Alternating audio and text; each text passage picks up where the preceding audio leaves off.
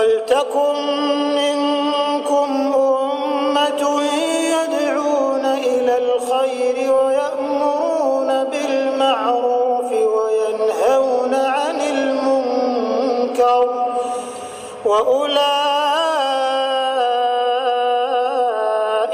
هم المفلحون. Kaidah yang kedua, segala yang datang dari Allah. Itu tidak mungkin buruk. Tidak mungkin. Kenapa kita diminta untuk taat dengan mutlak? Karena segala yang datang dari Allah pasti baik. Ya, pasti baik. Karena Allah menurunkan segala maslahat sesuai kebutuhan kita. Cuma manusia kadang-kadang, maaf, menginginkan sesuatu dengan pikiran pendeknya yang bukan kebutuhannya. Al-Baqarah 216. Enggak pelan-pelan kita ya. Bapak Ibu kalau diminta milih, pilih motor, pilih mobil. Apa? Pilih motor, pilih mobil. Kalau sebagai manusia biasa pilih motor, keterlaluan itu. Umumnya akan memilih mobil. Akan memilih mobil umumnya. Tapi kadang-kadang kita menginginkan sesuatu yang tinggi menurut Allah itu bukan kebutuhan kamu. Kebutuhan kamu itu motor. Ya. Keperluan kamu motor. Kalau kamu punya mobil, sulit nantinya. Gangnya sempit, mesti bikin garasi, anggaran bertambah, dipikirin juga. Ah, capek. Sudah, motor saja, terbebas dari banyak kemacetan. Mampu diurai, tidak banyak difikirkan. Pelan-pelan. Turun ayat, Kutiba alaikumul qitalu wa huwa kurhul lakum. Ya.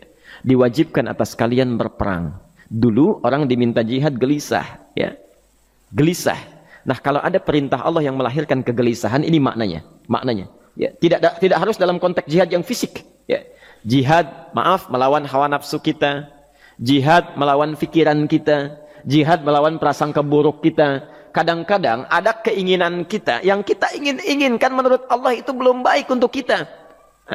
Nah, sifat manusia ketika diberikan oleh Allah keputusan yang terbaik, kadang-kadang ada sifat dalam hatinya gejolak, belum bisa menerima. Ya. Ada gejolak di hatinya. Dalam keadaan demikian kata Quran, kutiba alaikumul qital. Kalau Anda merasakan sesuatu sedang ada gejolak di jiwa, sulit menerima ketetapan Allah, maka perangi perasaan-perasaan buruk itu. Wa huwa lakum walaupun itu sulit. Walaupun itu sulit. Jangan berprasangka buruk dulu pada Allah. Ayat yang indahnya, perhatikan kalimatnya. Asa an takrahu syai'an fahuwa khairul lakum. Boleh jadi Anda tidak menyukai sesuatu, di balik itu ada kebaikan-kebaikan besar yang Allah sedang rencanakan. Karena pikiran kita pendek, maunya sekarang saja. Tapi subhanallah, Allah sangat panjang tidak ada batasnya. Allah memberikan maslahat sampai kamu meninggal, ini maslahatnya. Kamu berpikir sekarang saja. Wa asa an tuhibbu syai'an wa huwa syarral lakum. Sedangkan boleh jadi di balik yang kita sukai ada keburukan yang sedang menunggu kita di depan ini kamu tidak tahu. Ya. Apa logikanya? Wallahu ya'lamu. Allah tahu masa depan yang akan terjadi menimpa kita wa antum la ta'lamun. Sedangkan kalian tidak bisa membaca masa depan. Ya. Saya punya adik perempuan datang lalu meminta doa. Kak, saya ingin tes katanya. Ya, di salah satu bank kemudian sudah pada tahap akhir yang menurut hitung-hitungan manusia dan perkiraannya insya Allah lulus karena tidak ada alasan apa-apa lagi untuk tidak meluluskan baik bismillah kita berdoa tapi doa kita seperti dibimbing oleh Quran tidak minta dunia saja ya jadi dunia baik Al-Baqarah 201 Rabbana atina fid dunya wa fil akhirah ya dunia minta baik akhirat minta baik tapi aturan dunia dan akhirat ini jangan disebandingkan rugi. Dunia itu kecil. Ya akhirat lebih besar. Dunia itu kecil. Makanya diatur di Al-Qasas ya, ayat 77 sampai 78 itu aturannya wabtaghi fima atakallahu daral akhirah wala tansa nasibaka minad dunya. Minta seluas-luasnya akhirat tapi dunia jangan berlebihan. Ya. Sekedar mencukupi kebutuhan kita saja. Ya. Pakaian, Bapak Ibu sekalian, ya, kita beli pakaian Sesuai kebutuhan saja, jangan berlebihan.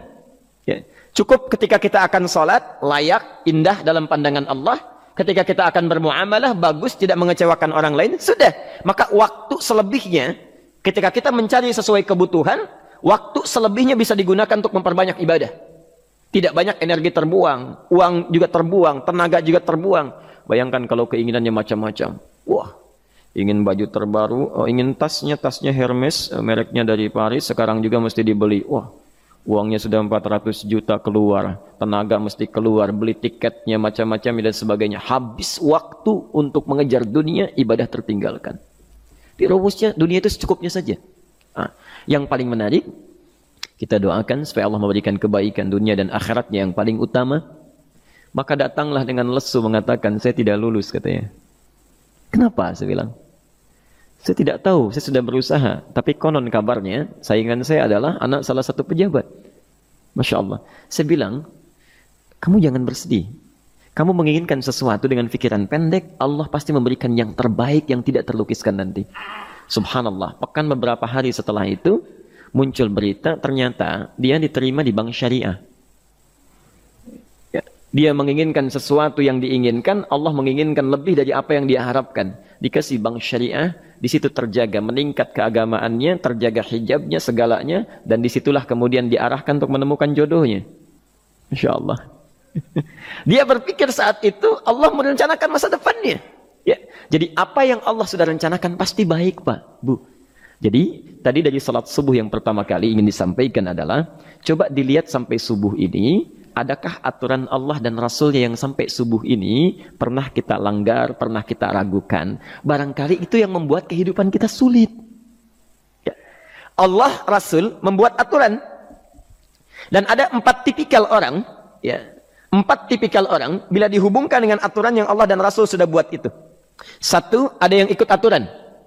Maka orang seperti ini kata Quran, yuridullahu bikumul yusra wala yuridu bikumul usra. Al-Baqarah 185. Allah menginginkan kemudahan, tidak menghendaki kesulitan dalam hidupmu. Ya. Maka dibuat aturan, yang ikut aturan Allah pasti mudah hidupnya. Ya, pasti mudah hidupnya. Ya. Rizkinya mudah, hidupnya mudah, nyaman, enak. Ya. Satu, ada yang ikut aturan. Yang kedua, ada yang keluar aturan. Ya. Ini pasti repot. Pasti repot. Di awal-awal seperti menyenangkan, ujung-ujungnya repot. Allah bilang, jujur, jangan berdusta. Kalau dusta celaka. Wailul lil mukadzibin. Celaka bagi para pendusta. Dia keluar aturan, dia berdusta. Awal-awal memang nikmat. Besok. Besok. Ya. Uh, Pak, ini amplop siapa ya? ya. Uh, maaf Pak, ini amplop memang uh, ini ini khusus Pak. Anggaran tertentu tidak ada kaitan dengan proyek ini. Padahal ada kaitan dengan proyek. Dia sisihkan untuk kepentingan pribadinya. Bohong. Saat itu merasakan enak dapat tambahan, besok-besok dikejar-kejar sama aparat kepolisian celaka. Wail itu sudah keluar aturan pasti celaka. Ya. Subhanallah. Jadi ada orang kedua keluar aturan. Yang ketiga, yang ketiga, bikin aturan sendiri. Dikasih aturan, dia bikin aturan sendiri. Subhanallah. Kalau sakit, dibuat ketentuan. Sakit pertama, kalau biasa-biasa saja, ya subhanallah, ikhtiarnya pergi ke dokter. Seorang sahabat datang kepada Rasulullah, ya Rasulullah saya sakit, tolong doakan saya. Kata Nabi Idzab ila tabib, pergi ke dokter. Ini orang pintar sekali. Kata orang ini, Ya Rasulullah, anda kan Nabi Rasul, angkat tangan anda, Allah kan maha menyembuhkan. Nanti Allah sembuhkan saya. Cerdas ya? Tapi subhanallah, Nabi harus lebih cerdas. Dapat bimbingan dari wahyu. Pergilah ke dokter karena kesembuhan yang telah Allah tetapkan dititipkan di tangan para dokter. Masya Allah. Pergi ke dokter. Ya. Ini rumus pertama. Nanti kalau dokter sudah pada hand up, ya, angkat tangan tidak mampu menyembuhkan, itu tandanya Allah ingin langsung menyembuhkan tanpa turut campur makhluk yang ada.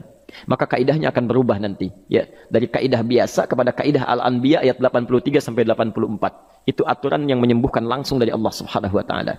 Tapi kalau Anda sakit, perginya ke dokter. Ya. Cuma ada manusia bikin aturan sendiri. Sakit, pergi ke dukun. Ya. Dukun nggak bisa, pergi ke paranormal. Dirinya pun sudah nggak normal. Makanya disebut paranormal karena nggak normal. Ya. Tapi didatangi juga gitu, bikin aturan sendiri. Karena itu jadi lebih sulit hidupnya. Ya. Doa minta pada Allah kan sederhana. Ya. Doa nggak bayar, nggak ada macam-macam, masya Allah, gampang sebetulnya. Ada kekeringan sekarang kan banyak kekeringan ya, banyak kekeringan. Dikasih rumus, subhanallah, dikasih rumus yang tidak perlu pakai biaya, meluangkan waktu, itu pun berpahala juga. Dunianya dapat, akhiratnya melimpah dikasihlah salat istisqa. Masya Allah. Tinggal minta, memohon kepada Allah. Salat, mengangkat tangan, mohon pada Allah. Subhanallah. Manusia tidak bikin aturan sendiri. Oh, digarami saja. Orang garamin sayur, dia garamin awan. Cari biaya. Miliaran terbang pakai pesawat. Kalau Allah tidak berkehendak ya sudah. Ya, ayo silahkan. Berapa biaya yang mau kamu kumpulkan? Tenaga yang kamu kumpulkan silahkan aja. Ya, yang ini hujan, bikin kering lagi di sana. Sana hujan, bikin kering lagi di sana. Mau sampai kapan? Ya, dikasih yang gratis tinggal muncul. Cuma manusia bikin aturan sendiri. Ya susah hidupnya. Itu yang ketiga. Yang keempat, yang keempat, ada orang nggak mau diatur. Allah bikin aturan, dia nggak mau diatur. Ya, masya Allah. Ini yang luar biasa. Inilah yang fasik. Fasik itu keluar dari aturan menyimpang. Tidak mau diatur dia. Ya, tidak mau diatur. Karena itu Bapak Ibu sekalian, dari ayat yang pertama ini, ya, mari kita evaluasi sampai dengan hari ini subuh. Dari ayatnya memang sederhana, singkat, padat, cuma satu ayat. Tapi meminta kita untuk melihat, sudahkah sampai hari ini taat pada Allah dan Rasulnya. Yang kedua, ketaatan kita apakah selalu ragu atau sudah melahirkan keyakinan yang paripurna. Ya. Yang ketiga, pelajari aturan-aturan Allah terkait kehidupan kita. Aturan salat, aturan muamalah, ya, aturan beraktivitas, aturan berumah tangga, pelajari itu supaya mendapatkan kemudahan. Biasanya kesulitan didapatkan karena kita belum mengenal aturan Allah dan Rasulnya.